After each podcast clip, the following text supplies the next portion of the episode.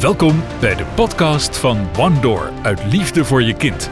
Renata Vermeulen spreekt met haar gast over hoe je een succes kunt maken van je scheiding.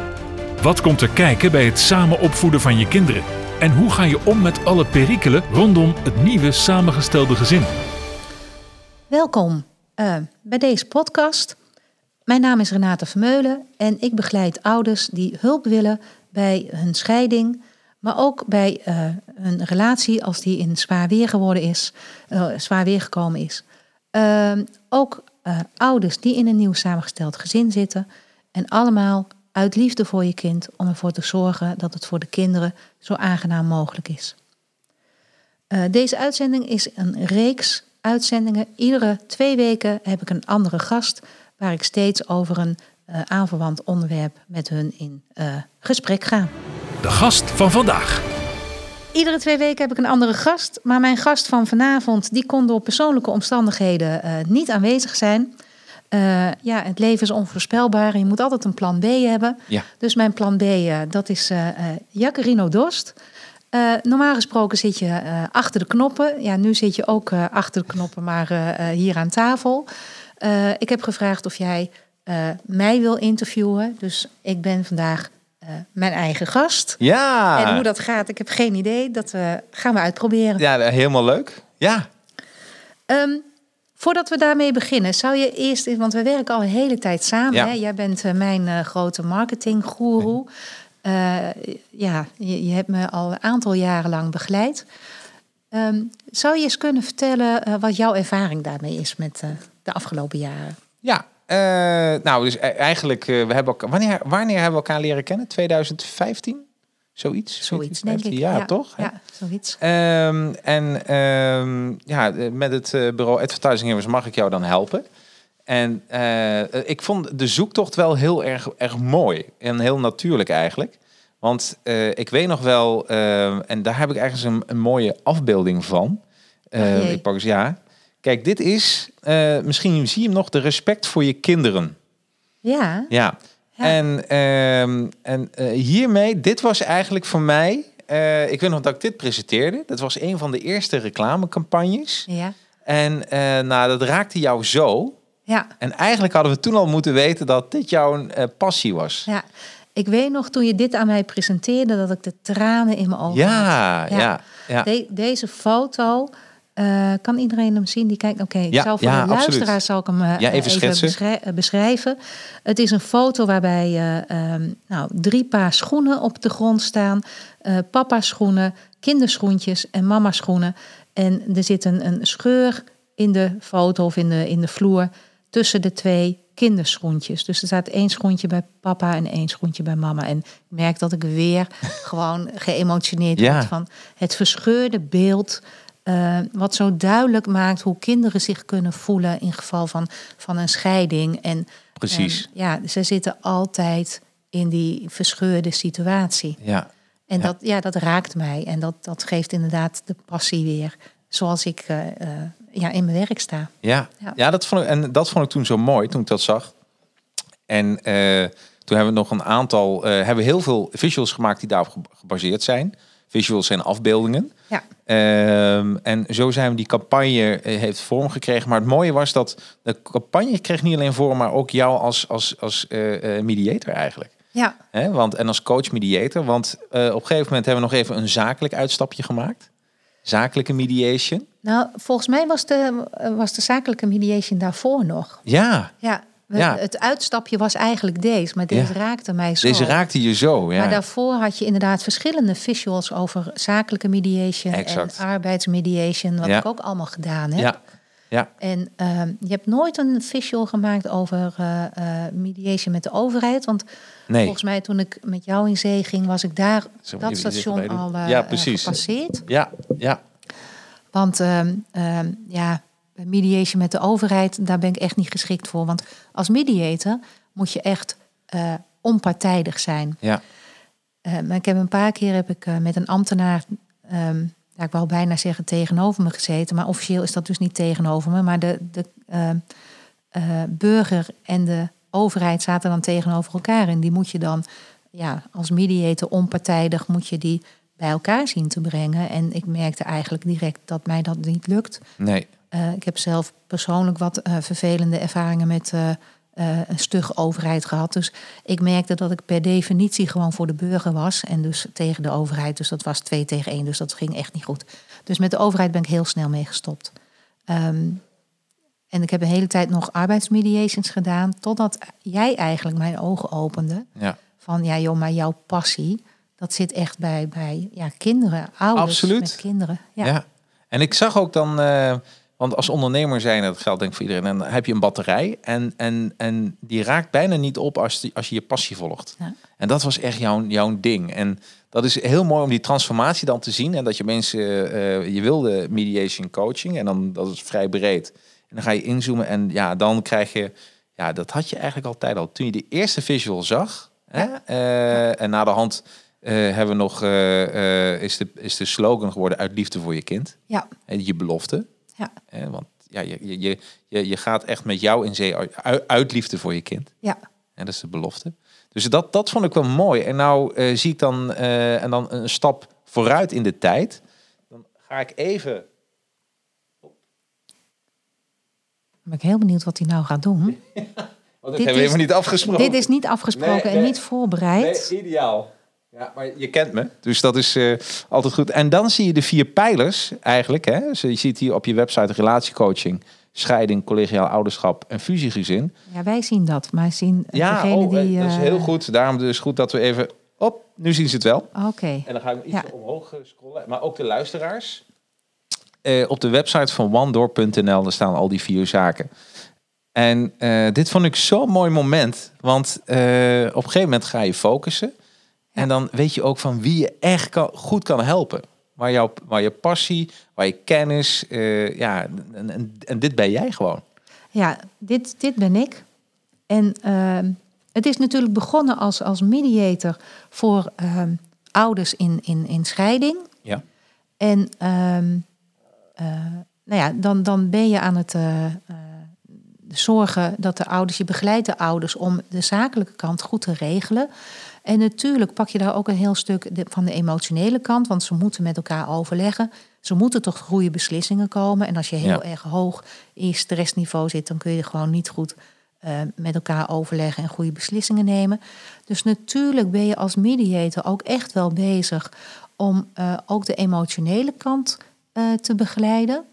Alleen dan heb je altijd de ouders gezamenlijk bij je. Juist Ja. vanwege die onpartijdigheid en die eh, neutraliteit van een mediator werk je eigenlijk altijd met beide ouders. En ehm, nou ja, dat ging een aantal jaren goed, totdat ik toch merkte, omdat ik ook altijd de mensen weer terugkrijg in evaluatie van de ouderschapsplannen. Ja. Eh, dus na een verloop van tijd zie ik ze altijd eh, toch wel weer terug. Of niet iedereen, maar de, de meeste wel.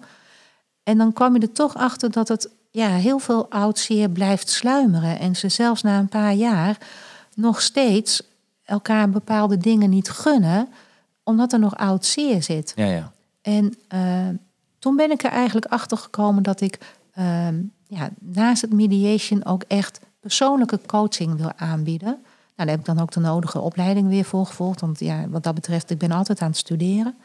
Ehm, en toen ben ik meer het collegiaal ouderschap op gaan pakken om ouders één op één te coachen. Ehm, meestal als de scheiding rond is. Ja? Eh, toen nog. Tegenwoordig doe ik het ook al van tevoren. Maar op dat moment deed ik het vooral als de scheiding rond was. Om dan nog de ouders één op één te begeleiden. Ehm, voor wie dat wil. Hè? Want de een wil dat. eh, soms is het de vader die het wil. En soms is het de moeder die het wil. Het komt niet zo vaak voor dat ze het alle twee willen. Ehm, en dan ga je ze persoonlijk begeleiden om te helpen door het rouwproces heen te gaan. Ja. Uh, want dat is het, hè, scheiden. Je, je ben- raakt iets kwijt. Het is echt een rouwproces. En ook voor de kinderen is het een rouwproces. En ehm, vaak verliezen de ouders uit het oog wat nou het belang is van, van de kinderen. Tuurlijk, ze doen alles voor hun kinderen. Want het is het liefste wat ouders hebben, de kinderen. Dus daar doen ze alles voor. Maar het is vaak ook onwetendheid. Gewoon niet weten, hebben ze ook nooit ergens geleerd... eh, wat een scheiding nou echt doet met kinderen. Nee. En kinderen laten het ook niet zien. Want kinderen die hebben eh, hun, hun veilige thuishaven verloren.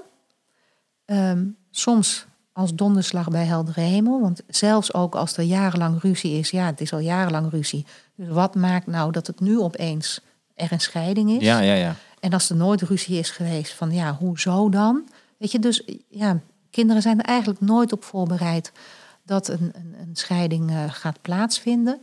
Uh, en, en ja, dan hebben ze zoiets van, ja, wat, wat, wat um, kan ik doen om te zorgen dat het weer gelijmd wordt? Uh, of wat moet ik vooral laten dat ik niet ook een ouder kwijtraak? Ja. Een van de ouders zijn ze al een beetje uit beeld geraakt, omdat het nou ja, tegenwoordig heb je steeds meer co-ouderschappen, wat wel heel fijn is. Maar met die omgangsregeling zien ze altijd een van de ouders minder als de andere ouder. En dan zijn ze toch bang dat als zij uh, daarover gaan klagen of, of, of hun echte gevoelens laten zien, dat ze misschien ook wel een ouder kwijtraken. Ja. En wij als volwassenen, wij weten wel dat het onzin is. Weet je, je, je ouders die blijven altijd van je houden. Maar als kind weet je dat nog niet. Nee, nee, nee. nee. Dus daar zijn ze wel bang voor. Um, en ouders weten dat niet. En het is heel mooi dat we um, ja, dat ik ouders kan leren hoe ze de signalen bij hun kinderen kunnen opvangen en hoe ze hun kinderen echt goed kunnen begeleiden. Want als je aan de kinderen vraagt van uh, heb je hulp nodig? Nee, ik kan het wel zelf, ik kan het wel alleen. Ja, ja, ja. Kinderen zeggen het niet zo gauw tegen hun ouders. En het is dus aan de ouders die dan ja, de signalen moeten leren opvangen. En eigenlijk ongevraagd uh, een beetje ja, toch hulp gaan bieden zonder dat de kinderen het doorhebben. Ja. Uh, eigenlijk op een natuurlijke manier. En dat, uh, dat is heel leuk om ze dat te leren. Nou ja, dat valt dan onder de pijler collegiaal ouderschap. Ja. Uh, daar heb ik ook de samenwerking gezocht, uh, of de aansluiting gezocht bij Succesvol Scheiden Nederland. Omdat die daar ook echt een heel erg mooi resultaatgericht programma voor uh, opgezet hebben. Um, nou, een collega daarvan hebben we de vorige keer hier als gast gehad, Roos Boer. En um, nou ja, dit is een hele leuke samenwerking. Daar heb ik ook weer heel veel van geleerd. Ook een leuke uitzending trouwens. Ook een leuke uitzending, ja. ja. was de ja. eerste uitzending, Was heel spannend. ja. Was, was wel heel erg leuk.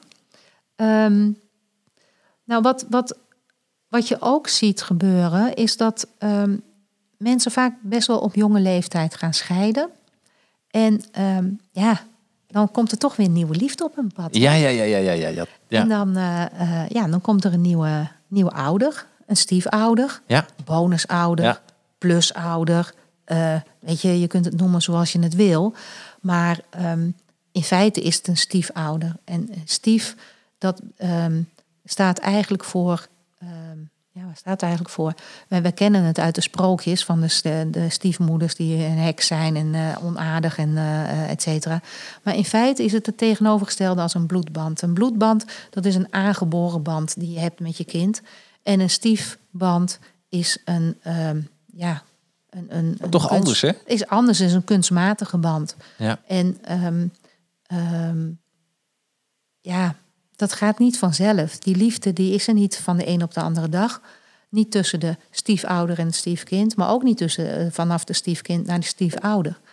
En wat je ook heel veel ziet gebeuren, is dat eh, er weer van allerlei oud zeer naar boven komt tussen de ouders, zodra er een nieuwe partner komt. Ja, ja, ja. Want voor de kinderen is het zo, maar ook voor die andere ouder is het zo dat als er een nieuwe partner is, dan is het wel heel erg definitief.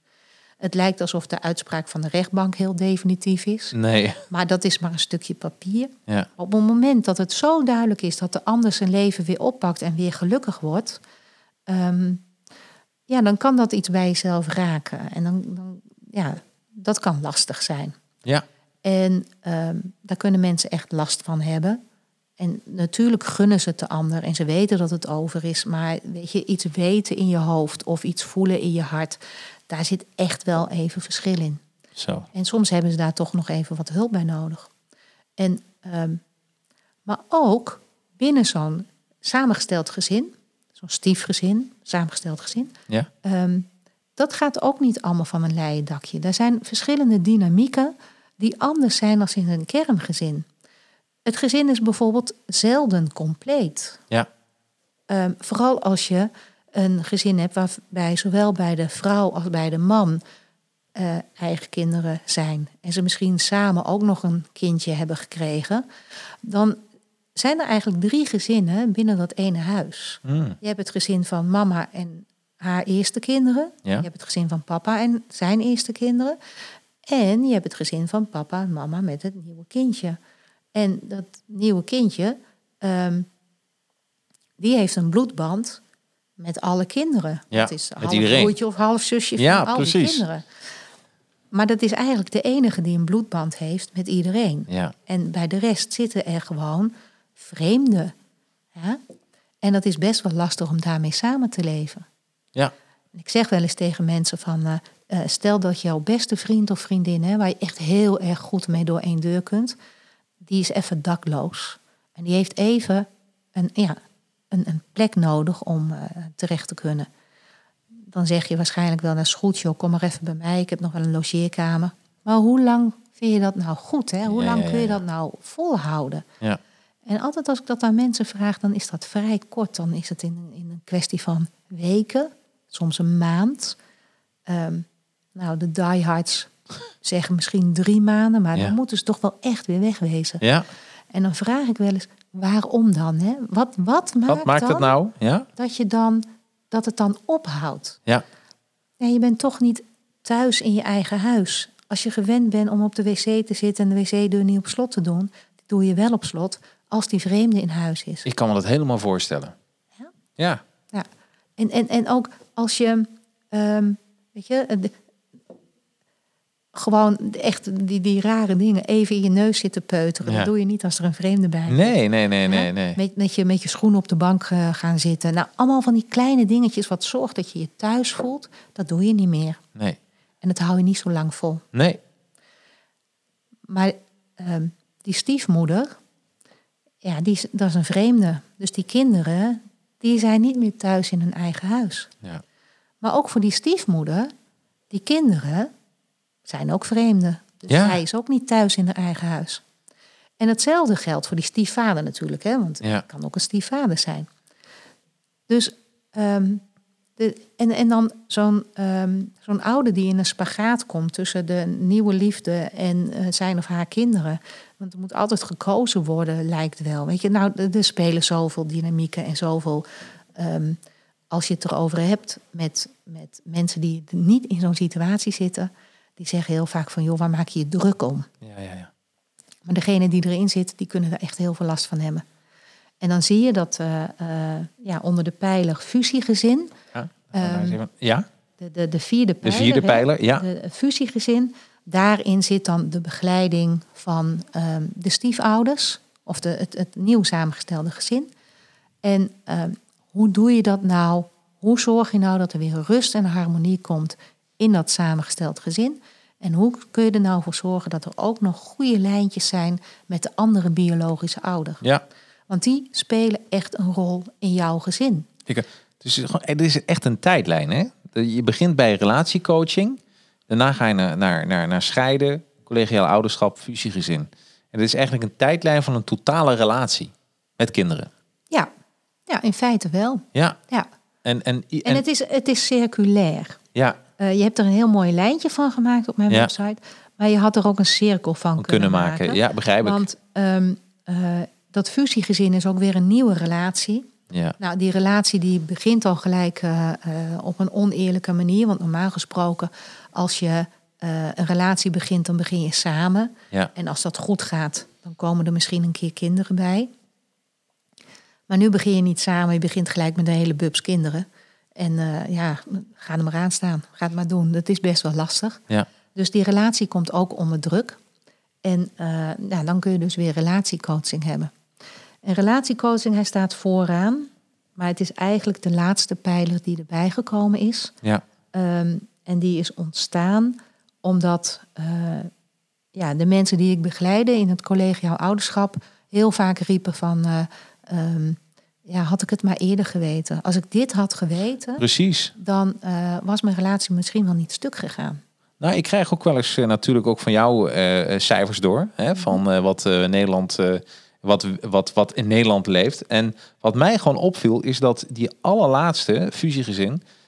dat het percentage tot scheiding, of dat ze uit elkaar gaan, best hoog is. Heel hoog. Ja, dus als jij daar geen hulp voor krijgt, of zegt van eh, dit gaat voor vanzelf, ach, we rommelen even aan. En je voelt al na, eh, je voelt al nattigheid.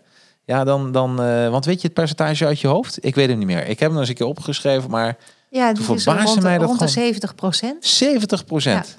Ja. Moet je je voorstellen. Dat, dus het betekent dus bijna, ja, dus bijna een, een soort gok wa- wat je op dat moment doet. Van de zelfs 70 procent dat het gewoon hartstikke mis kan gaan. Maar weet je dat het percentage van ouders die uiteindelijk uit elkaar gaan, waarbij de eerste scheurtjes in hun relatie Ja. vlak na het eerste kind, weet je hoe hoog dat is? Nee? 85 procent. 85 procent. 85 procent. Jeetje man. Ja. En dat maakt dus ook de, de poot van relatiecoaching zo belangrijk. Want vooral op het moment dat er een, een, een kindje geboren wordt, verandert er zoveel in een gezin. ja. Ehm, weet je, iedereen is blij met een kind, maar eh, niemand is, is ehm, ja, heeft, heeft gevraagd. En zometeen bij de boekreview komt dat ook nog naar voren, want het is een stukje voorwoord uit dat boek. Ehm, niemand heeft gevraagd om de slapeloze nachten.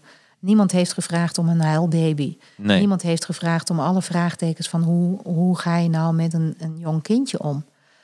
En ehm, ja, meestal wordt er ook niet zo over gesproken of het wordt heel rooskleurig voorgesteld. Maar de, de situatie verandert. Een vrouw verandert vanwege de hele eh, ja, hormonale verandering in het lichaam. Ehm, ik ken heel veel eh, vrouwen die eh, voordat ze een kind kregen zeiden van... nou, ik ga niet zo'n eh, moedermuts worden. Nee, nee, nee, maar nee. Zodra het kind geboren is, nou, weet je, de hormonen zorgen er gewoon voor... dat je heel beschermend wordt voor je kind. Ja. En dat moet ook, want ik zeg wel eens, wij zijn eigenlijk een, een mislukt ras. Ehm, is ook niet helemaal waar, maar dat dacht ik vroeger altijd. Eh, als je om je heen kijkt, een, een koe, als een kalfje geboren wordt, binnen de kortste keren, dan staat hij op en hij rent met zijn moeder mee. Ja. En ehm, ja, als je naar een giraf kijkt, nou, dan met die lange, dunne poten, nou, binnen de kortste keren staan ze op en rennen ze met eh, mama giraf mee. ja. Maar een, een kind, nou, dat duurt een paar jaar voordat hij een beetje mee kan rennen. Heb jij toevallig de, de Netflix van Ricky eh, Gervais, Gervais, Gervais gezien? Nee? Dat, dat is een, een comedian en dat gaat er precies daarover. Ja, ja. Dat, dat, dat, dat voorbeeld wat je noemt, dat inderdaad die dieren in één keer eh, flop eruit gaan en meerennen. En dat de moeder giraf sterker nog, nog naar kind kijkt van, nou ja, weet je, als je niet mee kan lopen, dan eh, loop ik verder alleen. Dan denkt hij, dat kind, ja, ik moet nu wel gaan lopen. Anders, Ja. Maar een, een, een baby is zo onschuldig. Hè? Die, die heeft heel lange tijd nodig überhaupt te kunnen staan en verder te kunnen lopen. Dus de, de zorg van de ouders is natuurlijk ja, super groot. En de druk. En eh, ja, maar ook de, de beschermingsdrang van een moeder Ja. is daarmee dus ook heel groot. Hè? Want kijk, ehm, ehm, wij hebben in onze cultuur ervoor gekozen om iets in het leven te roepen als het huwelijk. Ehm, waarbij we beloven elkaar trouw te blijven tot de dood ons scheidt. Maar eh, als je kijkt naar de natuur, is het eigenlijk de bedoeling dat een, een vrouw het kind opvoedt en de man die, eh, die gaat weer de hort op. Hè? Ja. Als, als je alleen al kijkt ehm, naar hoeveel zaadcellen een man heeft en hoeveel eicellen een vrouw heeft. Ja. Ehm, en die man die blijft maar doorproduceren. En die vrouw die, ja, die heeft met geboorte, krijgt ze wat mee. En dan moet ze het de rest van haar leven mee doen. Ja. Maar eh, die man, ja, weet je, die moet zijn zaad verspreiden over Gods akker. Ehm, dus die moet helemaal niet bij één, eh, één vrouw Nee, precies. Nee. Nou wil ik niet zeggen dat alle mannen dat ook werkelijk moeten gaan doen. Dat is niet de bedoeling. Nee, dat wil ik niet promoten. nee, maar het is wel biologisch gezien hoe het in elkaar zit. Biologisch gezien is het zo. En Ja. de biologie bij de, bij de vrouw, die zorgt er dan dus voor Ja. dat je eh, je kind wil beschermen. Ja. En het kind is zo ehm, eh, hulpeloos. Die heeft jouw hulp nodig. En jij voelt je kind aan. Het heeft zeven, of zeven, het heeft negen maanden in jouw buik gezeten. Ja, ja, ja, ja.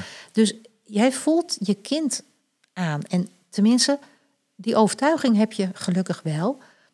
En dat betekent al bij de eerste luier, eh, die man die heeft zoiets van, oh ja, hoe, hoe moet dat precies? En die Ja. vrouw, als die ook maar heel even ziet dat papa twijfelt, dan, dan gaan haar alarmbellen rinkelen van, oh jee, gaat dat wel goed? En als ze zich dan niet inhoudt, dan zegt ze, laat maar, ik doe het wel. ja. En als je dat een paar keer tegen een man zegt, van laat maar, ik doe het wel, dan gaat hij niet meer voorstellen om het nog een keer te doen. Want weet je, eh, ook uit liefde en, en goede intenties van nou, zij doet dat liever, dan voelt ze zich prettiger bij. Dus laat haar dat maar doen. En dat is niet alleen met die luier, maar dat is met heel veel dingen zo. Dus, en dan zie je dat een vrouw van nature door haar hormonen gestuurd, heel erg veel voor het kind gaat zorgen. Ja, ja, ja, ja. En die man dus niet. Die man die gaat vanzelf een stapje terug. En het is allemaal goed zolang het allemaal goed gaat tussen het stel. Precies. Maar op het moment dat je dan een beetje uit elkaar groeit en ehm, er komen meer kinderen en de druk op die moeder wordt groter en eh, de man die, die stort zich op zijn werk, want die wil ook goed voor zijn kinderen zorgen en dan ja, die wil zorgen dat er voldoende geld is. Dus weet je, die gaat hard werken, maar daarmee groeien ze uit elkaar. Ja. En ehm, ja, dat is vaak als je aan mensen vraagt die uit elkaar gaan van waar is nou het eerste scheurtje ontstaan in jullie relatie, is eigenlijk altijd na de geboorte van het eerste kind. Ja, hè? En ehm, wat daar ook het gevolg van is, dat op het moment dat als mensen uit elkaar zijn, dat die vaders, die moeten opeens veel meer met hun kinderen gaan doen. En daar waar in de relatie het verwijt komt van, hij doet toch nooit wat voor de kinderen, ja, dan na de, na de scheiding gaat papa opeens wel meer doen met de kinderen. En dat kan bij een moeder ook heel erg steken. Waarom kan het nu wel en voorheen niet? Oh. Maar dat zijn patronen, die zijn langzamerhand zo gegroeid. En nu met een scheiding, helemaal als er voor co-ouderschap gekozen wordt, ja, dan moet die vader wel. En dat wil die vader ook, weet je. Ja. Die, die- die vader wil ook graag contact hebben met het kind. Dus als ik kijk, heel veel vaders willen heel graag co-ouderschap. Als het te regelen is met werk en met, met, met opvang en eh, te doen is, dan gaat dat vaak ook heel erg goed. En dan zijn vaders opeens heel anders als voor de scheiding. Weet je, dit vind ik dus zo mooi van deze podcast. Het gaat om verhalen. Dat mensen dit luisteren en eh, in de auto zitten of dat ze zich opeens herkennen. Of dat ze denken, hey, dit, dit is... Of misschien eh, zijn de kinderen wat groter. En eh, goh, wist, hadden we die informatie maar eerder gehad. En dat is zo mooi. Je kan dit gewoon luisteren zonder dat het... eh, eh, want je hoofd zit volgens mij... Of met een scheiding zit je hoofd al vol. En een scheiding zit je hoofd bomvol. bomvol. En dan is het heerlijk om naar een gesprek te luisteren. En dat je denkt van, eh, zonder je verder in te hoeven spannen, maar dat je over kan nadenken. En dan kan zeggen, nou ja, weet je, ik, ik wil die tijd en die energie voor mijn kinderen investeren. En ik ja, ga een gesprek aan met Wandor. Ja. Hè, eh, om eens een keer met elkaar om tafel te gaan. Eh, wat ik wel een belangrijke vind is, eh, eh, eh, zijn er bijvoorbeeld ook mensen die eh, dat als ze, als ze, weerh- weerhoudt altijd iemand om iets uit te voeren. Dus ik kan me voorstellen dat mensen zich weerhouden om met jou om tafel te gaan, omdat ze misschien denken, mijn partner moet mee, maar die heeft helemaal geen zin in. Hoe ga je daarmee om? Ja, dat is nou het mooie. Ja. Ehm, dat is dus niet nodig. In je Nee, helemaal niet. kun je al een wereld van verschil maken. Ja, ja, En ehm, juist niet. nee, Ik werk als eh, scheidingscoach echt alleen maar met één ouder en niet met twee ouders. ja, maar dat is, dat is perfect. Kijk, ze kunnen natuurlijk allebei komen, maar dan, dan zie ik ze als twee aparte cliënten. Precies. En niet als stel. Want op het moment dat je uit elkaar bent, dan is het wij er niet meer. Nee. Er is alleen nog maar jij en ik. En er is geen wij meer. En er zijn vaak tegenstrijdige belangen. Ja, En, ehm, eh, maar wat het belangrijkste is, Ja. je kunt een ander niet veranderen. nee, Je kunt alleen maar jezelf veranderen. En je kunt alleen maar eh, leren hoe je anders met de situatie om kunt gaan. Ik za- ga even een voorbeeld geven. ja, leuk. Ehm, stel dat, eh, ehm, dat er een vrouw bij mij komt en die zegt van... eh, ja, eh, die vader die houdt zich nooit aan zijn afspraken. We Mhm. maken afspraken en hij komt ze nooit na. Nou, dan kun je van alles, kun je hoog en laag springen, kun je van alles verzinnen. Maar ja, als die man zijn afspraken niet nakomt... dan zal die altijd zijn afspraken niet nakomen. Nee, in ieder geval in haar beleving. Daar verander je niks aan. Je kunt wel iets veranderen aan de manier waarop zij daarmee omgaat. En ehm, als zij zich anders leert opstellen ten opzichte van haar ex, ja, eh, de vader van eh, hun kinderen, ehm, dan zie je dat die vader anders reageert. En dan verandert die vader toch. ja, ja. Want wat ik heel vaak zie, is dat mensen afspraken maken, maar dat zijn geen afspraken. Dat zijn eenzijdig eh, gemaakte afspraken. Van, ik wil dat jij voortaan iedere vrijdagmiddag om vijf uur de kinderen komt daar ophalen. Dus eh, eh, je moet voortaan iedere vrijdagmiddag om vijf uur de kinderen ophalen. Ja. Punt. dat is een afspraak. Nee, er is geen afspraak, want je weet helemaal niet of die andere het er wel mee eens is. Nee, nee. Maar er is vaak geen ruimte om daar over te discussiëren. En de manier van communiceren, die zorgt er dan voor dat de ander zegt, ja joh, dat is goed, eh, maar het niet echt meent. Want mensen zeggen, denken en doen, dat zijn drie verschillende dingen. En hierin zie je dat dan ook vaak weer terug, dat ze zeggen, ja joh, dat is goed. Maar ondertussen is die afspraak niet vanuit zichzelf gekomen. Dus als je dan anders leert communiceren, ehm, ja, en we noemen dat dan de, de geweldloze communicatie. Dat is niet verwijtend, niet ehm, eh, veroordelend naar de ander, maar gewoon vertellen wat je, wat je zelf ervaart, wat je zelf ziet, wat je eigen behoeften zijn en dan een verzoek doen aan de ander om daar anders ehm, ja, mee om te gaan. En dan zeg je niet van jij moet dit of jij moet dat. Nee. Nee, ik heb een behoefte aan dat. Zou jij daaraan tegemoet kunnen komen? En dat is een manier van leren communiceren. Als ik dan met zo'n zo'n moeder in dit voorbeeld aan het werk ga, ehm, dan komt ze ook bij haar eigen kwetsbaarheid terecht.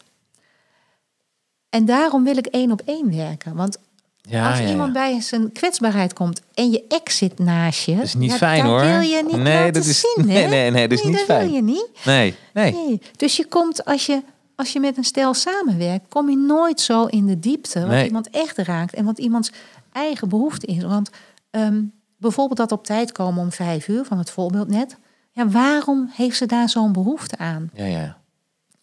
Eh, ja, omdat ik op tijd wil eten. Nee, daar gaat het niet om.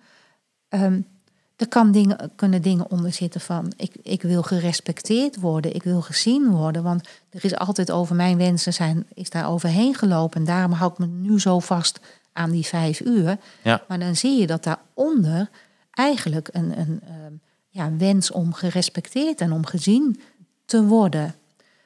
Maar dat laat ze nooit zien als haar ex naast zich zit. Nee, tuurlijk niet. Nee, Ja. nee, nee, nee. En dat, datzelfde geldt als ik met een man aan het werk ben, Ja? die, ehm, ja, ik kan zoveel voorbeelden verzinnen. Dan moet ik weer even denken wat ik dan als voorbeeld eh, ga nemen. Ehm, maar vaak, vaak is dat hetzelfde, hè? dat ook die man niet gezien is. Nee. Dat hij zich altijd uit de naad gewerkt heeft en, en het beste gedaan heeft om zijn gezin te onderhouden en om zijn vrouw alles te geven wat, eh, eh, wat in zijn macht lag. En nou is dit scheiding geweest. En ja, hij heeft daar nooit waardering voor uitgesproken gekregen. Want ze zei altijd, je was er nooit voor de kinderen. Ja, hij was er wel, maar op een andere manier. Exact. Ja, hij heeft het ook met de beste intenties, heeft hij zijn leven zo ingericht. En nooit met de intentie om het huwelijk te laten klappen. En ehm, dus hij is daar ook niet in gezien. En het kan zijn dat hij dus vasthoudt aan, aan ja, ehm, nou, wat gebeurt er veel? Eh, eh, rommelen met de alimentatie bijvoorbeeld. Hè? Net een dagje te laat of eh, een Ja, week ja. te laat of net even een tientje te weinig. maar om ergens, en dat hebben ze vaak zelf helemaal niet door... van ah ja, god, ik heb er gewoon niet op gelet. En weet je, het gaat allemaal onbewust. Ja. Als je dan met zo iemand aan de gang gaat... dan blijkt er ja, dat hij eigenlijk wel waardering wil... voor het feit dat hij toch maar steeds weer voor dat geld zorgt. Ja, ja, ja. Nou, dit zijn heel erg de, de traditionele dingen, maar er zijn nog heel veel Heel veel, ja, er- we hebben nog veel podcasten te vullen. Hey, is het eh, zo de, voor de luisteraars en de kijkers dat eh, deze podcast bestaat uit deze vier onderdelen? Ja, Ja, hè? ja. Want dat is natuurlijk ook wel mooi om te weten. Dus dat komt eh, terug in de volgende podcast. is relatiecoaching, scheiden, collegiaal ouderschap en fusiegezin. ja, ik heb iedere keer probeer ik een andere gast uit te nodigen Ja. die iedere keer weer een ander facet eh, bespreekt die in een van deze vier laadjes eh, thuis hoort. Leuk. En mensen kunnen dan dat terugzien op YouTube. Ja. Nu, nu op Facebook. En na Ja. de hand eh, gewoon One Door uit Liefde voor je kind opzoeken. Spotify, Apple Podcast. Ja, daar zorg jij altijd voor. Daar ook Rick voor. Ja. En, maar het is echt, ik vind zelf, ik moest gisteren, dat zei ik je net even off topic in de uitzending. Als je dan even belasting moet doen, moest ik gisteren doen. En je luistert de podcast terug, eh, of je gaat podcast luisteren, dat is echt super lekker. Want, want je hoort een gesprek en dat, dat vind ik dan heel fijn. Want daar, daar dat kun je, dat, dat, laat ik zeggen, je gaat meedenken in het gesprek. Maar het is niet zo dat je hoofd eh, vol druppelt. Nee, je, je- het is een soort achtergrondgeluid waar je ja, je luistert er wel naar en je vangt op wat voor jou interessant is. En Ja. alles wat voor jou niet interessant is, dat gaat ook ja, je een oor in en het andere oor uit. En hoef je ook niet bij stil te staan. En, Nee. eh, dus het is een hele ja, prettige manier om informatie te vergaren. Wat ook prettig is, eh, eh, en dat is als wij bij elkaar zitten, wij kunnen gewoon een nachtvoorstelling maken. dat, weet ik, dat weet ik nu al. Maar eh, heb jij nog aan voor dit onderwerp nog wat toe te voegen? Of dat je zegt van, Nou, ik denk dat we alles wel een beetje gehad Ja, hebben. toch? Relatie, Gewoon lekker naar de- Ja. naar de website gaan, eh wandel.nl, dat mag ik zeggen. En, eh, en, eh, en als je eens een keer met Renate wil praten, staat een mooi dingetje contact bij. En eh, dus, eh, dat- laat ik zeggen, ik vind het zo, sowieso zelf heel inspirerend om met jou te praten. Laat, laat staan dat je jouw hulp ook echt nodig hebt. Dan, eh, ja, dan ben je gewoon, eh, als het om kinderen gaat, scheiden, succesvol scheiden met kinderen. Ja, dan is er maar één persoon, en dat is Renate. Nou, dankjewel. Ja, ja, dat vind ik ook echt. Ja.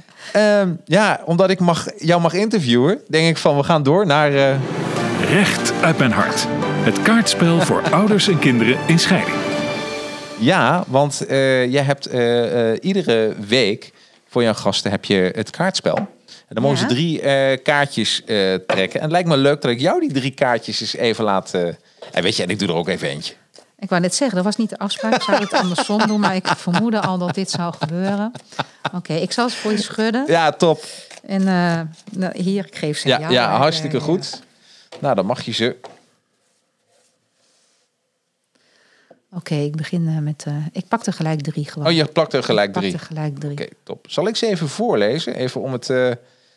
dat ik zeker weet dat je. Oh ja, dan pak, pak ik er vier. Dan hou ik deze. Oh ja, voor mezelf. Ja, precies. Nou, ik.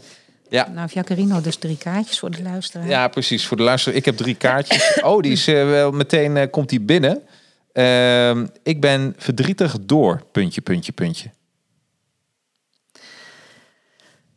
Ja. Ehm, ik, word, eh, ik word verdrietig ehm, op het moment dat ik ouders zie, zie worstelen. Ehm, en, en vaak het idee hebben dat ze het alleen moeten doen. Mhm. En dat is ook een beetje ingegeven door hele, onze hele maatschappij. Want hulpvragen is niet, zit niet echt in onze cultuur.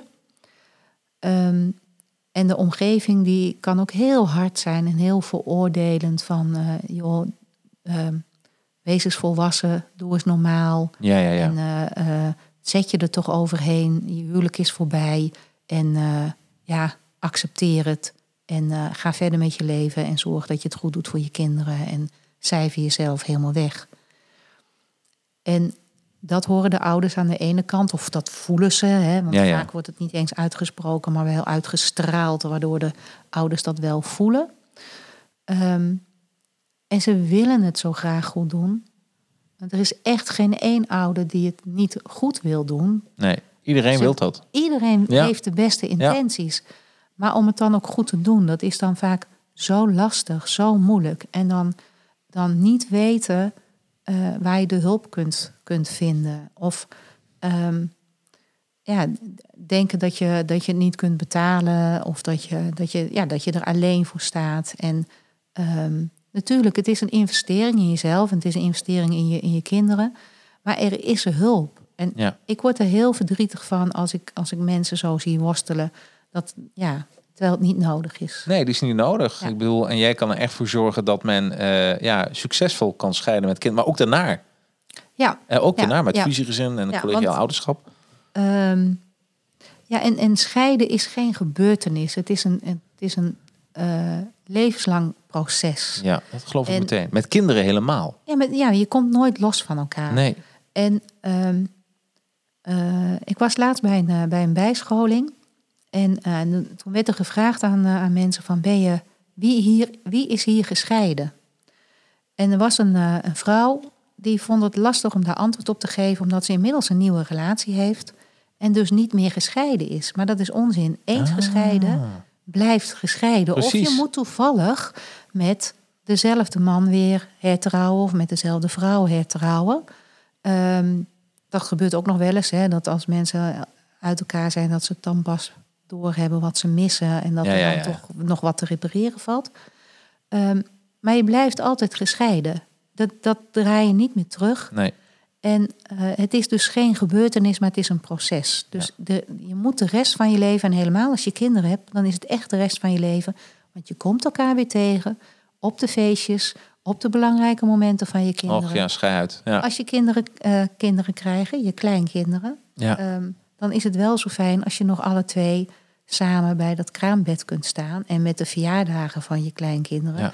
Dat niet ook je kleinkinderen nog eens een keer hun verjaardagen twee keer moeten vieren. Omdat opa en oma niet samen in één ruimte kunnen zijn. Weet je, het, het blijft maar doorgaan. Zo zijn wij toen ook gekomen eigenlijk uit, op eh, uit liefde voor je kind. Want, je, want je moet die inspanningen eigenlijk doen. eh, die wil je gewoon doen voor je kind. Ja, je doet het voor je kind. Je doet Ja. het niet voor jezelf. Uiteindelijk heb je er zelf ook heel veel aan. Maar ehm, als je puur eh, vanuit jezelf zou redeneren, dan zou je zeggen: Weet je, ik hoef die andere helemaal niet meer te zien. Ik zet er een streep onder, aju paraplu.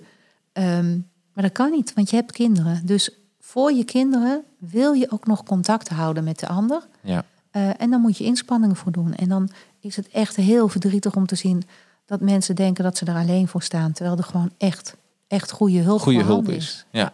Dus dat was, eh, ik ben verdrietig door, maar daardoor is wel meteen een oplossing. Dus dat is, dat is fijn. Eh, het is wel fijn dat mensen kunnen een beetje meekijken. Eh, en als je in de auto zit, ga ik me nu voorlezen of je luistert. De kinderen hebben nodig dat, puntje, puntje, puntje. De kinderen hebben nodig dat. Nou ja, de kinderen hebben nodig dat ouders inderdaad goed samen met elkaar door één deur kunnen gaan. Ja. Ehm, want ehm, Zo zijn we eigenlijk ook op de naam man doorgekomen. Zo zijn Dit is een soort, dit is een soort déjà vu, de best of. ja, ik, zei dat, Ja. ik zeg dat heel vaak, hè, dat je nog Ja. samen door één deur moet komen, moet kunnen. En daar heb jij toen de bedrijfsnaam Wandoor eh Ja. van verzonnen. Want Ik noem je ook, ik noem je ook Wonder Woman. Maar dat, Wandelwoman, ja. nee, maar dit is, eh, ja, Ja. dat is wel heel. De, de naam is eigenlijk wat je wil. Ja, ja. En, maar dat hebben de kinderen ook echt nodig. Want het is voor kinderen heel erg lastig als eh, papa en mama niet samen met elkaar overweg kunnen. Ehm, dan eh, ja, voelen de kinderen. Weet je, de, ook de kinderen weten dat als zij er niet waren, Ja. dat papa en mama niks meer met elkaar hoefden. Nee. Dus alle ruzies, alle irritaties, al het onvrede, al het ongelukkig zijn wat, wat de ouders hebben, dat komt omdat zij er zijn. Want zonder dat zij er waren, ja, dan hadden papa en mama daar niet zo'n probleem mee. Want dan hadden ze gewoon er een streep onder gezet. En die kinderen die voelen dat. Ja. En ehm, daarom is het zo ontzettend belangrijk dat ouders echt in zichzelf investeren en er alles aan doen om ja, ehm, gelukkig te worden in hun gescheiden situatie. ja, voor zichzelf en voor de kinderen. Voor zichzelf, daar hebben ze zelf Ja. ook heel veel aan, maar Absoluut. ook voor de kinderen. Ja. Ja. Eh, ja, en dan eh, de laatste. Oh, die, daar, die heb ik even. Ik zag, je zag me net een beetje goochelen. Dat ik, Ja, deze wil ik even als laatste. Eh, dat is het allerliefste van alles. Het allerliefste van alles wat ik wil. Wil ik. Nee, even. Het allerliefste van alles wil ik dat. Puntje, puntje, puntje. Dat iedereen weer gelukkig wordt. Dat is een hele mooie. Ja. Ja. Ja. Ja. Dan is je missie geslaagd. Dan is mijn missie geslaagd. Op Ja. het moment dat, dat in die hele tijdlijn, hè, dat ehm, een scheiding goed afgerond wordt, dat ehm, de, de biologische ouders van de kinderen weer goed als, hoeven echt niet de beste vrienden te zijn, maar gewoon, Nee. ik, daarom zeg ik het ook collegiaal ouderschap. Ehm, je moet met elkaar omgaan als met goede collega's. Het is leuk om elkaar eens op een borrel tegen te komen. Ja. En dan heb je het over koetjes en kalfjes en, en misschien over de kinderen in ieder geval. Precies. Maar voor de rest, ja, heb je niet zo'n band met je collega's. Dat hoeft ook niet. Maar je moet op een leuke manier met elkaar, eh, met elkaar om kunnen gaan. Zodat je ook niet met een, een gevoel van stress naar zo'n feestje gaat. Nee. Maar dat je echt gewoon relaxed daar naartoe gaat. Ehm, dus dat geldt voor de beide ouders. Voor de kinderen is dat heel erg prettig. Maar ook voor die nieuwe partners. Ja. Want hoe fijn zou het zijn als bijvoorbeeld de moeder en de stiefmoeder collegiaal met elkaar omgaan. Ze zijn ook collega's. Ze zijn collega-opvoeder. Ja. Niet collega-moeder. Een kind heeft maar één moeder. Daarom worstelen ook heel veel mensen met de term stiefmoeder. Ja. Aan de ene kant vanwege het woordje stief, want dat, dat is zo onaardig vanwege alle sprookjes. Maar ook omdat daar moeder in zit. Ik heb een aantal stiefkinderen. Ja. Eh, het zijn mijn kinderen niet. Ik ben hun moeder niet. Nee, precies. Dus ik ben niet hun stiefmoeder. Ik weet echt niet wat voor andere termen we eraan moeten geven. Want bonusmoeder, plusmoeder, eh, vriendin van papa. Ja, vriendin, dat is zo lang, hè, vriendin van papa. Dus eh, ze noemen me maar gewoon Renata. Maar als ze aan iemand anders moeten vertellen wat ik ben, noemen ze me toch heel vaak, ja, een stiefmoeder. Ja. Of inderdaad, de vriendin van papa. Ja. Dat, is, dat is het ook. Precies. Ehm, maar hoe fijn zou het zijn, even om op dat kaartje terug te komen, Ja. als ehm, moeder en stiefmoeder ehm, als vriendinnen, nou, als collega's met elkaar om kunnen gaan. En hoe fijn zou het zijn als dat met de twee eh, vaderfiguren Ja, mooi. ook zo zou kunnen zijn. Ja, ja, ja. En dat is ook de reden waarom ik vaak voor zo'n ehm, samengesteld gezin met hun ex-partners een ja, ouderschap voor vier workshop geef. Ja. Dat ik ze echt met z'n vieren ehm, ja, aan, het werk zet. Ja, ja, mooi zeg. Ja, zo zie je toch dat al die kaartjes is ook voor jou weer. Daar komt toch weer jouw, jouw, jouw, jouw passie. Maar wat je, ja, wat je net als missie zei. Dat je eigenlijk wil dat Ja. iedereen eh, gewoon eh, gelukkig is. Iedereen moet gewoon weer ja, gelukkig Ja. zijn en, Ja. en zonder stress. Weet je, er is al genoeg stress in de hele wereld. Ja. Ehm, maar als je relatie, je thuisbasis ook nog stress oplevert, ja, dat is gewoon jammer. Er moet een plek zijn waar je tot rust kunt komen. En waar Absoluut. je kunt weer kunt opladen. Over opladen gesproken. Weet je wat ook altijd een mooi momentje is in de week? Boekentip van Renata en haar gast. Dat is even, dat wordt- toen we begonnen met de podcast, toen, eh, toen ze- ja, hadden we het erover boekentip dat je iedere week een boek eh, gaat lezen. En Ja. ja. ja, jeetje, daar heb je me ontzettend voor bedankt. Net Ja. nog. Ja, nou heb ik de verplichting om werkelijk iedere week een boek te lezen. En, wat is het deze week? Ehm, ja, deze week vind ik echt een heel erg leuk boek. Ja. Ehm, dat boek heet Mijn eerste is niet zijn eerste. Oh, die is mooi. Ja. De en, titel. ehm, ja, het is echt een hele mooie titel en het geeft gelijk aan waar het hele boek over gaat. Ehm, het is een boek dus voor vrouwen die hun eerste kind krijgen met een man die al papa is. oh, Want eh, mijn eerste is niet zijn eerste, dus hij heeft er al meer. ja. En eh, ik niet. Ehm, het boek is geschreven door Mariska Matakopan Jansen. Mm. En volgende week heb ik haar. Over twee weken. Week, over twee weken Ja. heb ik haar in de uitzending. Wat een mooi vormgegeven boek trouwens. Ja, dat leuk, vind ik, hè? ja, daar kijk dan weer naar. Ja, voor de, echt, voor eh, de luisteraars, hij is, Mag ik hem even laten zien aan de hij is camera? roze. En eh, nou, het, is, het is echt al een feestje om hem eh, te zien. Ja, maar het ik is ook hem heel echt mooi een uitzien. feestje om hem te lezen. Ja, oh, en hij ziet er... En, ja, ik ga eh, niet jouw kaartjes eruit halen, maar... Nee, ik ga er wat meer over vertellen. Maar hij is ook aan de binnenkant kijken, heel het ziet erg er leuk. mooi uit hoor. Ja, dat vind ik altijd belangrijk. Dat, dat het een feestje is om te lezen. Maar de design heeft goed haar werk gedaan. Ja, hij, het is echt een feestje om te lezen. Ja, En het, eh, het is een boek met één en al herkenning. ja. En ehm, eh, het is dus geschreven eh, voor die moeders die net eh, moeder zijn geworden of op punt staan om moeder te worden omdat ze in verwachting zijn, terwijl hun partner al kinderen heeft. ja. En ehm, ze schrijft het ook alsof ze tegen jou praat. Oh, wat mooi. En ehm, het lastige vind ik daarvan is alsof het dus een- alleen een boek is voor deze moeders. Ja, Maar ik zou het ook al die papa's die al kinderen hebben en nu een kindje krijgen samen met een nieuwe partner die nog geen kinderen heeft, ehm, zou ik aanraden om het te laten lezen. Eh, omdat het zoveel begrip brengt bij, voor die moeders. Maar ook eh, alle andere stiefmoeders, of ze nou wel of geen kinderen hebben. Ik heb van mezelf geen kinderen, ik heb wel stiefkinderen. Mhm. En ik herken zoveel uit dit boek. ja hè? En het is een feestje van herkenning. En dat is ook een van de redenen waarom ze dit boek geschreven heeft. Om eh, alle gevoelens die je kunt hebben als stiefmoeder. ehm, eigenlijk denkt iedere stiefmoeder, en dat, dat hoor ik ook steeds weer in mijn praktijk. Alle stiefmoeders die denken dat alleen zij deze gevoelens hebben. En het is gewoon niet zo. Nee. Eh, bijna alle stiefmoeders hebben dat. En ehm, er staat een heel mooi voorwoord in waar ik een stukje van wil voorlezen. Dat voorwoord is van eh, Marlijn Kooistra. En die is de voorzitter van de Stichting Nieuw Gezin eh, Nederland. Ja, Ehm, die heeft zelf ook een aantal boeken geschreven, waarvan één ook een hele leuke titel. ja. Liever liefde dan de beste Bucky. Oh, leuk. Ja. als tip voor vaders. Het gaat niet om het geld, maar het gaat om de aandacht. Ja.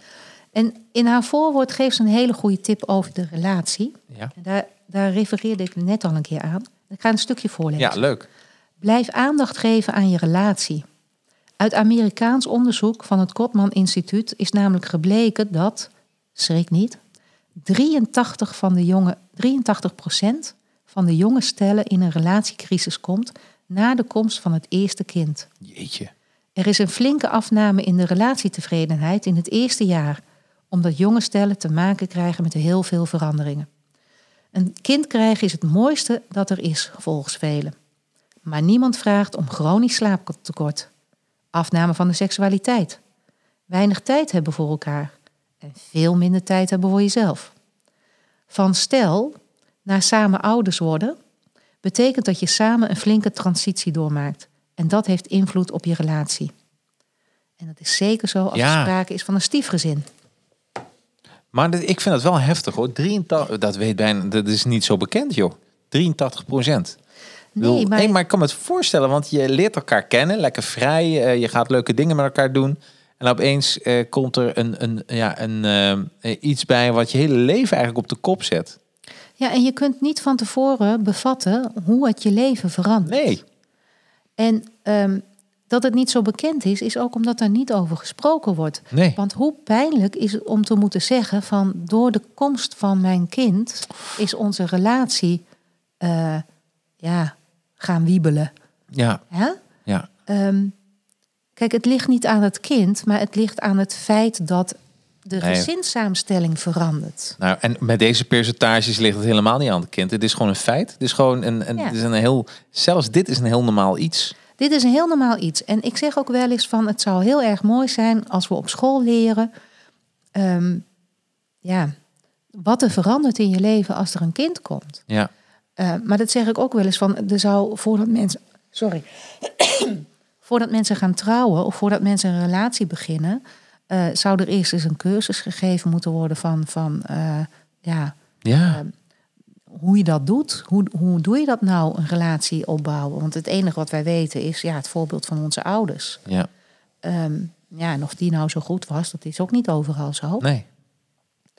Maar ja, ik heb, ik heb van de week een stukje op Facebook gelezen. Ja. Uh, er was een oud uh, stukje uit, uh, um, dat was uit 1960 volgens mij, 66 rond mijn, uh, mijn geboortejaar.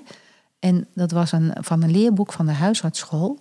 En er stond uh, uh, hoe een vrouw zich uh, moest gedragen. En vooral gehoorzaam zijn aan de man. En zorgen dat het eten klaar staat als hij thuis komt. Ja, ja, ja. Nou, oh, die zijn heel bekend. Dat soort dingen. Ja. ja. we hebben het van de week gedeeld met elkaar. En ook wel gezegd van we zijn blij dat er een stuk vooruitgang is. Ja. Dus toen werd er wel les gegeven hoe je je moest gedragen binnen het huwelijk. Ja. Maar de, de, tijden zijn veranderd. Ja, en het zou gelukkig. fijn zijn als er opnieuw les gegeven wordt. Ja. Maar dan wel met de nieuwe normen en de nieuwe waarden. Ja, tuurlijk. Uh, even terug over het boek. Ja. Um, wat het leuke is wat zij gedaan heeft, ze heeft heel veel uh, uh, moeders, aanstaande moeders in stiefgezinnen, heeft zij geïnterviewd. Ja. En daar heeft ze zelf vijf stiefmoeders uitgecreëerd. Ja. Um, en die vijf stiefmoeders die, die geven overal commentaar op in dit boek. Wat een leuk concept. Ja, dat heeft ze echt op een hele leuke ja. manier uh, gedaan. Zo, dus het zijn geen echte mensen die erin staan. Het zijn Nee. allemaal fictief. Precies. Maar het komt wel vanuit de verhalen van Ja. echte mensen. En het boek begint dan ook met een voorstelrondje van die vijf vrouwen. Ja. Ehm, nou, en daarna ehm, krijg je eigenlijk drie belangrijke hoofdstukken. Het eerste hoofdstuk gaat over wat het betekent om stiefmoeder te zijn. Mhm. En ehm, ja, weet je, niemand, eh, geen één meisje denkt als ze jong is... oh, wat leuk, ik wil later stiefmoeder zijn. Nee, niemand. Niemand. Niemand. Weet je, je droomt van die prins op het witte paard. Ja. Maar je droomt er niet van dat jij die boze stiefmoeder bent. Nee, nee, nee, nee, nee. Nee, die komt altijd slecht af van sprookjes. Dus op een gegeven moment dan realiseer je... shit, ik ben die stiefmoeder. Ja. En ik weet nog, toen ik stiefmoeder werd, heb ik het een keer opgezocht in de Dikke van Dalen. Inmiddels zijn we al een aantal versies verder met de Dikke van Dalen. Maar in de, ehm, eh, in de druk die er toen was, stond Ja. bij stiefmoeder... ehm, harteloze vrouw die de kinderen van haar man opvoedt. Nee, echt waar? Ja, dat stond. Jeetje, dat is echt. eh, Nou ja, weet je, dat is eh, Walt, Walt Disney, die spint er haren bij. Want, want dat, die hebben ook een beetje dat beeld natuurlijk voor sprookjes weer neergezet. Hè? Ja. Dus het is ook niet eh, voor de mindset en de framing. eh. Nee, maar weet je, vroeger was het ook zo, hè? Ehm, vroeger werd er al zelden getrouwd vanuit liefde. Ja. Ja, je had al die Oh gearrangeerde ja, tuurlijk. ja, ja, ja, ja. ja. ja. En als dan de moeder overleed, Ja. vaak in het kraambed, ehm, dan was er een ongetrouwde zus ja. die die plek in ging nemen. ja. En zo was het gewoon altijd geregeld binnen, of altijd, maar zo werd het vaak geregeld binnen eh, gezinnen Ja. of binnen families. Dat dan, ja, die, die man die kon die kinderen niet alleen opvoeden. Nee. Eh, daar wist de mama toen al helemaal niks van. Tegenwoordig gelukkig en veel meer. Maar, ehm, dus er moest iemand komen om die man te helpen, om die kinderen op te voeden. En dat werd dan een ongetrouwde eh, zus of een ongetrouwde nicht. Jeetje. En die kwam dan in dat gezin. En ja, die, die eh, moest zich opofferen ehm, om dat gezin draaiend te houden. Ja, daar, zit, daar zit dus per definitie niet zoveel liefde, ook niet in die relatie, Nee. maar ook niet tussen de kinderen Nee. en, die, en die vrouw die dat moest doen. En daar komt, eh, ja, dat is eigenlijk de eerste stiefmoederrol die we kennen. Nou ja, daar komen ook al die sprookjes. Ja, eh, tuurlijk, dan ja. past dat wel. Ja. Maar tegenwoordig is een stiefmoeder die toch uitgezocht wordt op basis van liefde. Ja. En ehm, ja, dus tussen die man en die vrouw die zit het wel, wel goed. Alleen het heeft wel tijd nodig voordat er een band ontstaat ehm, tussen kinderen. Wat ik me helemaal kan voorstellen. Stiefvader of stiefmoeder. En Ja. dat gaat niet zomaar, want je neemt de plek in ehm, ja, van die andere, van de biologische moeder en, en, en eh, vader. ja, waar we net over, dus Ja. een vreemde in je huis. Zo goed voor de je kinderen. huis. Ja, toch? Nou, dat, dat hoofdstuk over eh, hoe het gaat als je, als je stiefmoeder bent, daarin eh, ehm, ja, komen allerlei facetten aan bod van eh, zorg dat je relatie goed blijft, waar we het net over hadden. Ja. Eh, dus bouwen aan je, aan je relatie. Maar ook, hoe doe je dat nou, bouwen aan de relatie met de kinderen? Ga niet al te veel je best doen.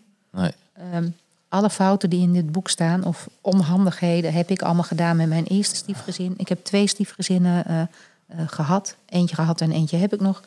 Nou, alles wat fout kon gaan, heb ik zelf ook wel gedaan. Ja. Je wil zo graag dat het goed gaat. Je had het boek gewoon iets eerder moeten hebben. Ik had het boek eerder moeten hebben. Ja, laten we eerlijk zijn. Hè? Dat is echt... eh, Maar je, je wil zo graag dat het goed gaat. Dus je wil zo graag je best doen. Maar daar zitten die kinderen niet op te wachten. nee. Nee. Ja, en, je, en je ziet als buitenstaander, ze zeggen wel eens de beste stuur, stuurlui staan aan wal. Ehm, je ziet als buitenstaander wat er fout is gegaan in de, in de relatie van jouw partner en zijn ex. Ja. En ehm, als jij naar de opvoeding van anderen kijkt, dan zie je ook van, nou, dit zou ik anders doen. En dit Zou Precies. ik, weet je, als Ja, buitenstaander kun je dat heel goed zien. Ja, me Dus voor... als stiefouder, of dat nou de vader of de moeder is, dit boek gaat dan toevallig over de stiefmoeder, maar Ja. of het nou stiefvader of stiefmoeder is, die buitenstaander die ziet heel goed van een afstandje wat er fout gaat. En als je dat Precies. dan gaat zeggen, maar ja, dan raak je wel iemand in zijn, In zijn hart. in zijn hart, want Ja. het gaat om zijn of haar kinderen. En dat, Precies. dat is, ja, dus dat is vaak niet zo handig. Het, het volgende hoofdstuk in het boek gaat over de periode dat je zwanger bent en dat je kraamvrouw bent. Dus dat het kindje net geboren is. Ehm, er zijn heel veel moeilijke beslissingen die je dan moet nemen. En ehm, daar heb ik nooit zo bij stilgestaan. Want ik ben zelf natuurlijk eh, eh, geen moeder. Ik heb zelf in deze situatie niet gezeten. Maar ehm, wie zet je op het geboortekaartje? Oh jeetje, dat is ook zo'n ding. Ja. Ja, Jeetje, wat doe je? ja, Ja. ja. Zeg is- het maar. Ja, jeetje man. Het is geen goed antwoord. Of er is geen, Nee, nee, er, er er is geen, geen antwoord geen op. eenduidig antwoord Geen op deze vraag. op. Nee.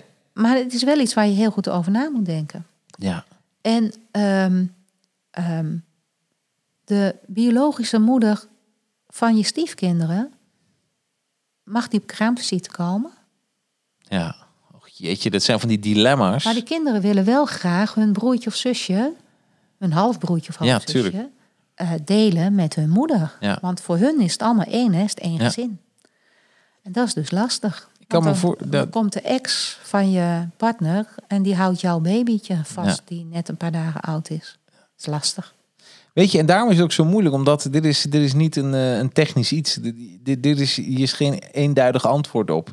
Dus het gaat allemaal om gevoel. om gevoel, ja, En- precies. En wat dus belangrijk is, en dat is ook wat, wat ik doe in het coachingstraject, is hoe kun je deze gevoelens nou goed onder woorden brengen? Ja. Want als je het onder woorden brengt bij je partner, het gaat om zijn kinderen, ja, dus je raakt hem diep in het hart. ja, En het wordt heel gauw gezien als, als ehm, eh, verwijten of eh, Begrijp ik. dat, een, dat een vader moet kiezen tussen zijn nieuwe partner en zijn kinderen. Dat, dat, daar gaat het helemaal niet om. Maar er moet wel begrip zijn voor die ja, ambivalente gevoelens bij die vrouw. En die vrouw die moet leren om dat goed te uiten. ja, Maar er zit ook nog een, een, een addertje onder het gras. Want ze hebben, eh, of de een of allebei, al een slechte relatie achter de rug.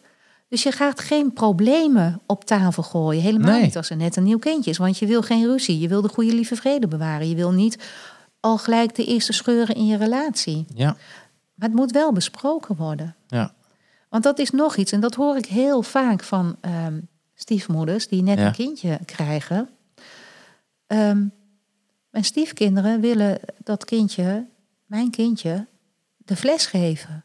Maar ik vind doodeng hoe ze met Ja. mijn baby omgaan. Het is hun halfbroertje of halfzusje. Wat ook weer begrijpelijk is. Maar het is voor hun, voor die moeder, zijn het opeens ja, alsof het buurjongetjes zijn. Die laat je ook niet zomaar met jouw nee, kind. nee, eh, nee, nee. en die, dus die gevoelens, aan de ene kant, verstandelijk gezien hebben ze zoiets van, ja, natuurlijk kan dat, maar gevoelsmatig. En dan moet je dus bedenken dat die gevoelens al alle kanten op gaan Ja. vanwege de hormonen die echt van slag zijn als er net een kindje geboren is. Precies, ja. Dus ehm, ja, heel veel emoties. Ja, heel wat, veel om te bespreken. jeetje, wat een, wat een, een, een uitgebreid en wat een gaaf boek. En het is nog niet klaar. Het is nog niet klaar, want we gaan door. Want er is nog een, één Ja. laatste hoofdstuk en dat is op het moment dat je moeder bent. Dus Ja. de kraamtijd is voorbij, maar dan ben je, ben je moeder en dan begint het normale leven weer. Ja, En eh, dan loop je tegen nieuwe uitdagingen aan. En iedere moeder loopt natuurlijk tegen uitdagingen aan. Maar als stiefmoeder eh, loop je tegen hele specifieke uitdagingen aan.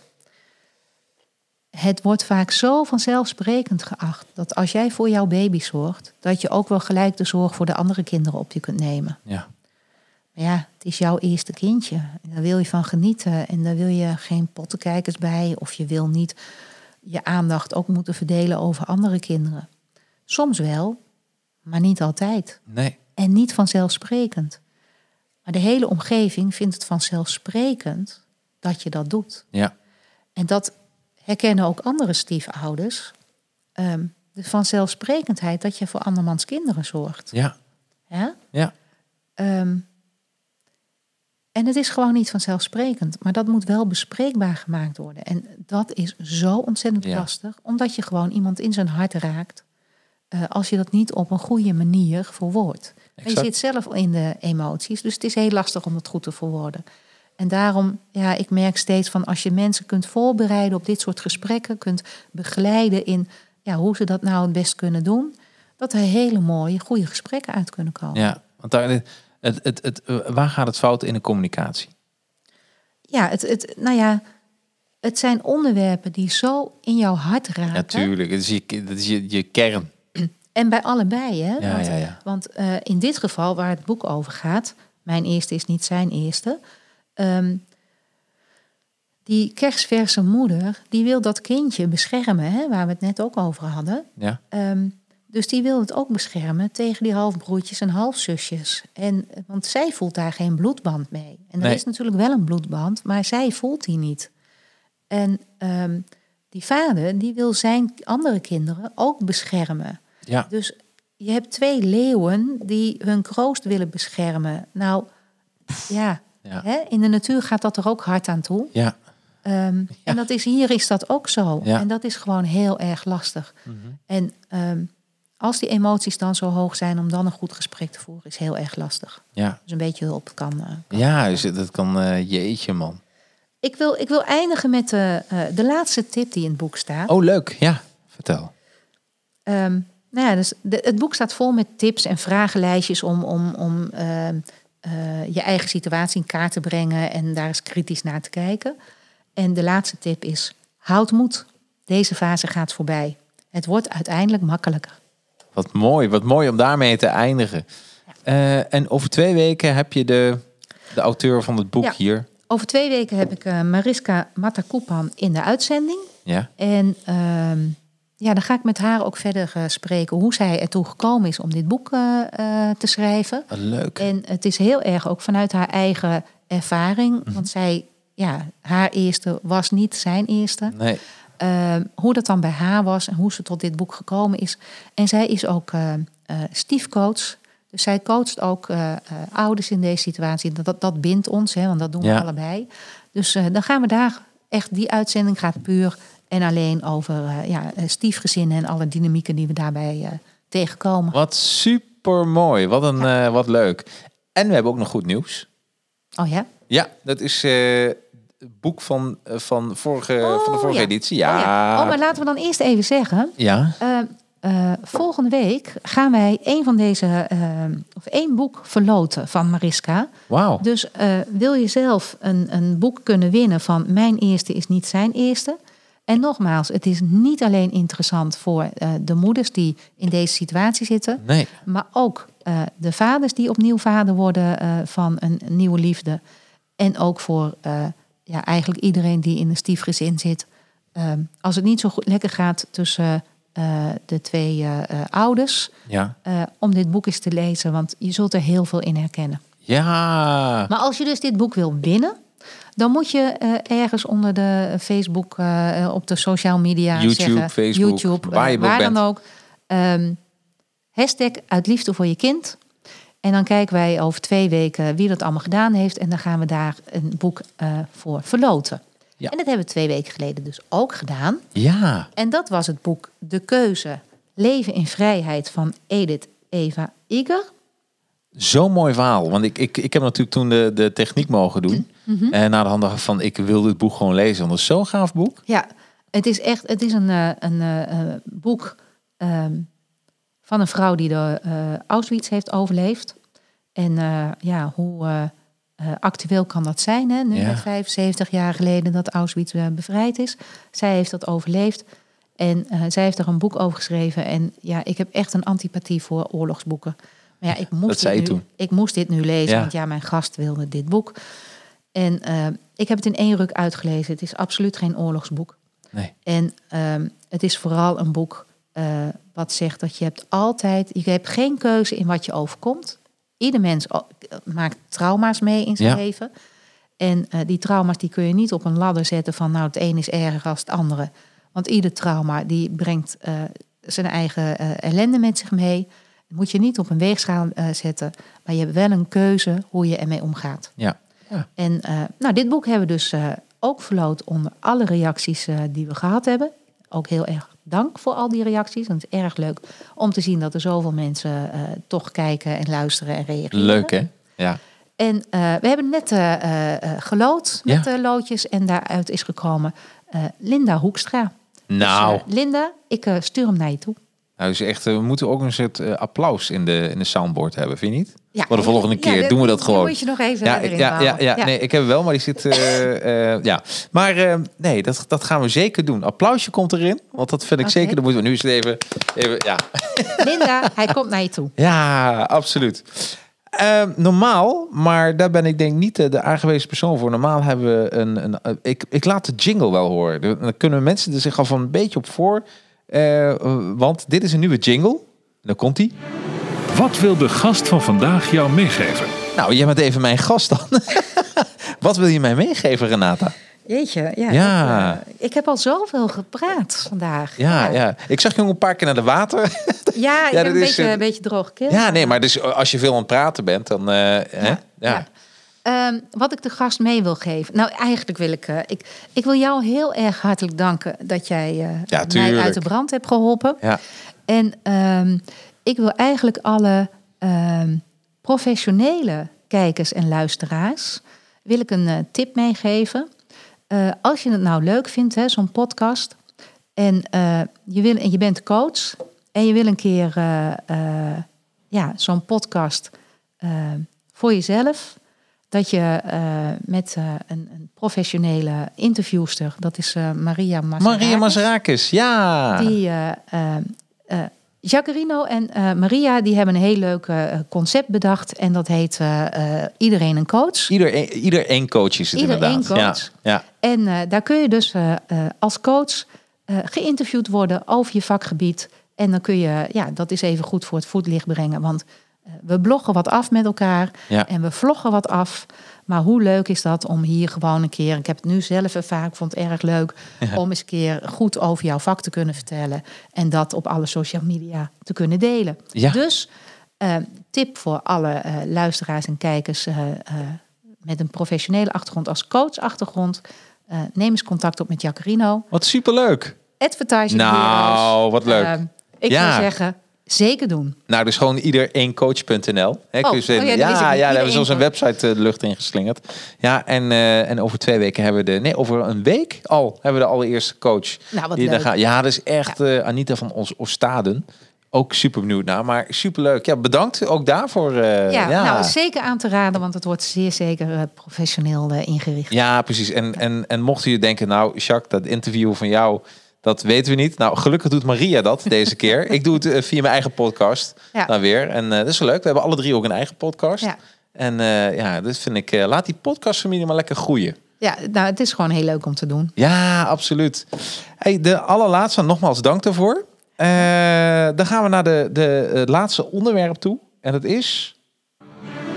De volgende gast bij One Doors podcast.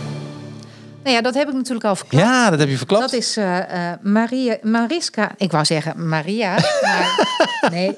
Mariska Matakupan Jansen, ja? de auteur van het boek Mijn Eerste is niet zijn eerste. Ja, wat leuk. Nou, dat is uh, de gast voor volgende week. Ja. Ja.